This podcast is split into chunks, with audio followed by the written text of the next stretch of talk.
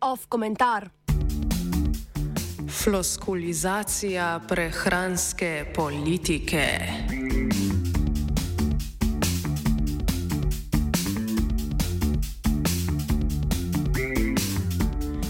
Prejšnji teden se je konstituiral strateški svet za prehrano, ki je bil sicer uradno ustanovljen že konec lanskega leta.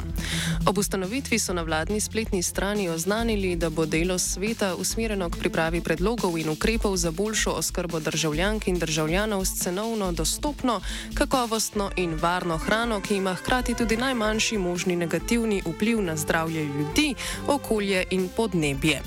Ustanovitev je dvignila precej prahu. Od tega, da gre za zaroto veganov, do tega, da bo golob prepovedal zrezke in zapovedal korenje.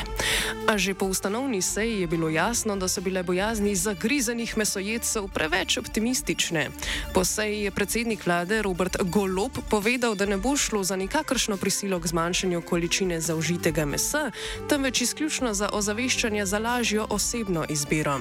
Drugače povedano, šlo bo za floskole in ideološke parole, ne pa za dejanske politike, ki bi kakorkoli pripomogle k zmanjšanju porabe in predvsem produkcije mesa.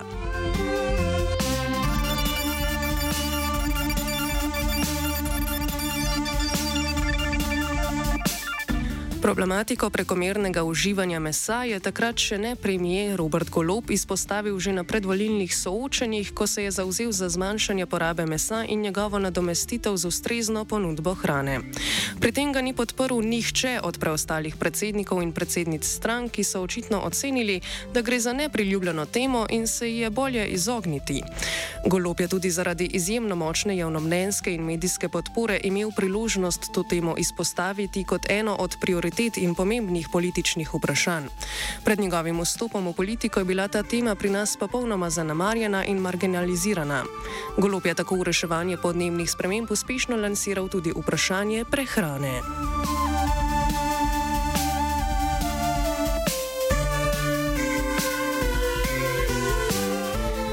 Podnebne spremembe so bile v nacionalni politiki predtem zreducirane pretežno na vprašanje pridobivanja električne energije. Bitka se je bila na fronti solarizacije in drugih alternativnih virov energije. Ali nas bodo uspešno razogličili, ali bomo zato potrebovali bl drugi blok nuklearke. Vsi so pozabili, da približno tretjinski delež k ogličnemu odtisu doprinese prehrana, pri kateri bistveno izstopa hrana živalskega izvora. Nekateri si v teho sicer iščejo izgovorih o lokalnem izvoru, a dejstvo je, da transport mesa v tem smislu prispeva zanemrljiv delež v primerjavi živinorejo samo. Meso kot vir kalorij je neuzdržno ne samo z vidika izpustov toplogrednih plinov, temveč je za njegovo proizvodnjo potrebnih tudi bistveno več obdelovalnih površin kot pri rastlinski prehrani. Thank you.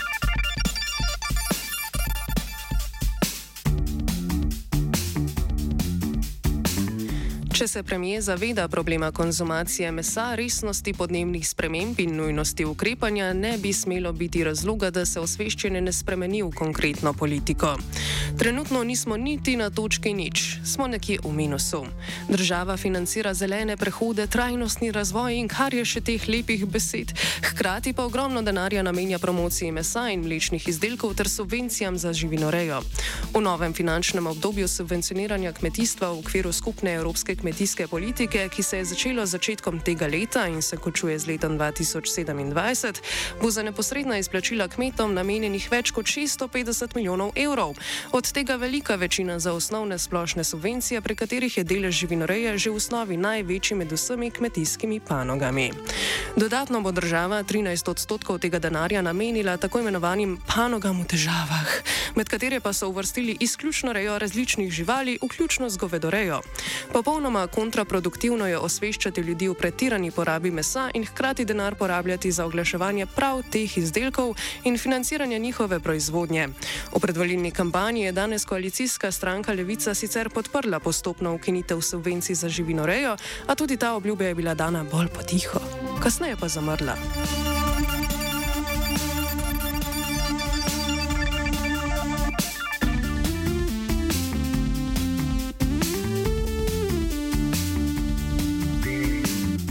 Težko si je predstavljati, da bi strateški svet za prehrano ali slovenska politika v kratkem prišla na točko nič, na kateri se proračunska sredstva ne bi porabljala za okoljsko sporne kmetijske prakse. Še težje pa si je predstavljati, da bi šli še korak dlje in živinorejo na mesto spodbujanja poskusili dejansko omejiti ter preiti na ukrepe, ki so precej bolj priljubljeni. Ko je treba v imenu zdravja stigmatizirati kadilce, ki svojimi življenjskimi navadami škodijo predvsem sebi. Mesojeda večina se že, obme, se že ob omembi zelenjave zdrsne in glasno protestira, čeprav njihove prehranske navade okolju škodijo precej bolj. Na zdravstveni vidik pretiranega uživanja mesa sicer opozarja tudi Nacionalni inštitut za javno zdravje, ki trenutno povprečje ocenjuje kot resno tveganje za zdravje.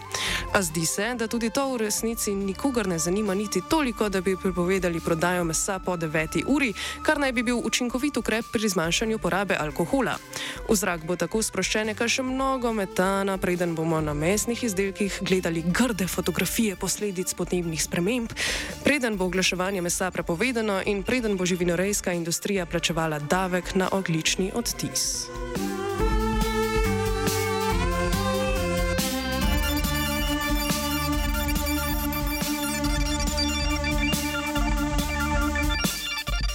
Slovenska politika je v veliki meri performativna. Prvi politik države na veliko govori o pomenu zmanjšanja mesa, hkrati pa, min, pa za ministrico v svoji vladi izbere Irino Šinko, ki v medijih nastopa kot izpostave živinorejcev v vladi.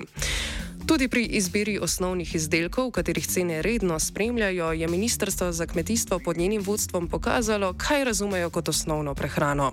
V osnovni izbor so tako vključili tri vrste mesa in niti ene vrste zelenjave.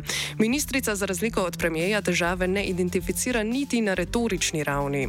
Na vprašanje v intervjuju za mladino, ali se strinja s tem, da moramo jesti manj mesa, enostavno odgovori, da ona je, kar ji najbolj ustreza, ne pozabi pa omeniti, misliti, da bi nekaj finančne spodbude potrebovala prešičereja in opravičevati oglaševanje mesa z lokalno proizvodnjo, ki zmanjšuje oglični odtis. Doda, da je oglaševanje usmerjeno ne na tiste, ki meso tako ali tako že uživajo.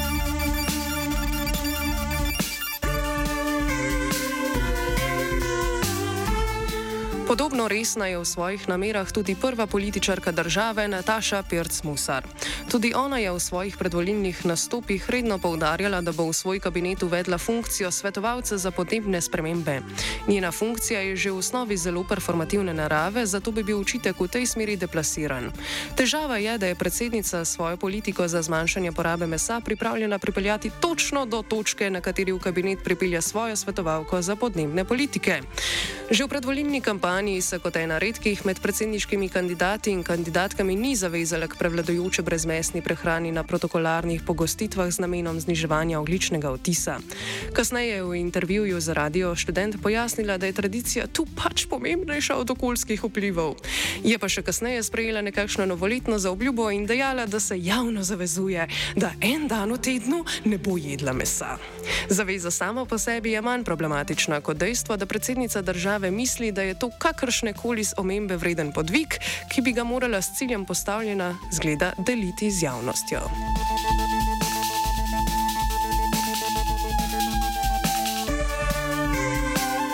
Vsaj zaenkrat se zdi, da bo meso ostalo najbistvenejši del prehrane slovencev. Golup je sicer javno povedal, da je cesar go in da sta proizvodnja mesa ter neposredno povezana konzumacija problematični. A zdi se, da nikomur zares ni v interesu storiti koraka v smeri reševanja tega. Osredotočenost na posameznika in reševanje težav s slabimi zgledi ne bosta prinesla rešitev. Vlada, ki ni prišla dlje od uvedbe redne brezmesne opcije v vladni menzi, bi se morala osredotočiti na spremembo proizvodnje proizvodnje na brezmesne in s tem podnebno sprejemljivejše prehranske alternative. Ključni mehanizem v njihovih rokah so subvencije, ki so esencialen del obstoja trenutnega kmetijstva, zato lahko na ta način vsaj postopno začnejo njegovo prestrukturiranje. Premijer je sicer povedal, da je prehrana ena izmed treh prioritet vlade v letošnjem letu, a politiki in političarke so besedo snedli skoraj toliko krat kot govej steak na protokolarnih večerjah. Komentiral je Blanš.